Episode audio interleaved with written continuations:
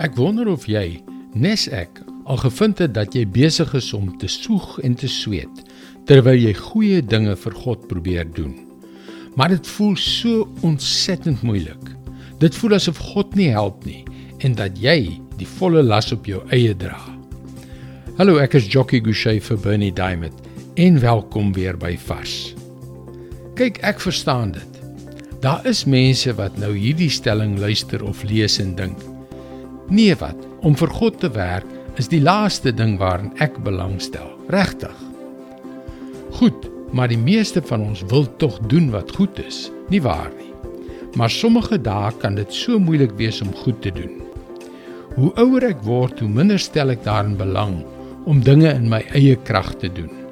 Dit sal dom wees wanneer ek weet daar is 'n God met onbeperkte krag, met onbeperkte hulpbronne en met 'n onbeperkte begeerte om ons te seën.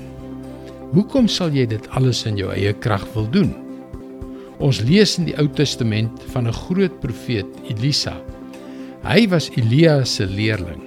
En toe dit tyd geword het vir Elia om huis toe na God te gaan, het die volgende gebeur.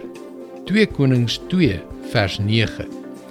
Toe hulle oorkant aankom, sê Elia vir Elisa: "Wat kan ek vir jou doen voordat ek van jou weggeneem word? Laat my asseblief 'n dubbele erfgenaamsdeel van u gees ontvang," antwoord Elisa. Met 'n versoek soos die wou Elisa duidelik ook nie dinge in sy eie krag doen nie. En dit waarvoor hy gevra het, is presies wat hy ontvang het.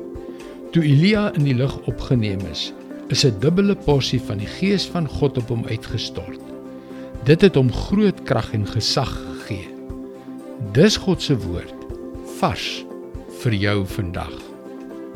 My vriend, weet jy die enigste soort gebed waarvan die Bybel ons leer, is die soort wat kragtige resultate het.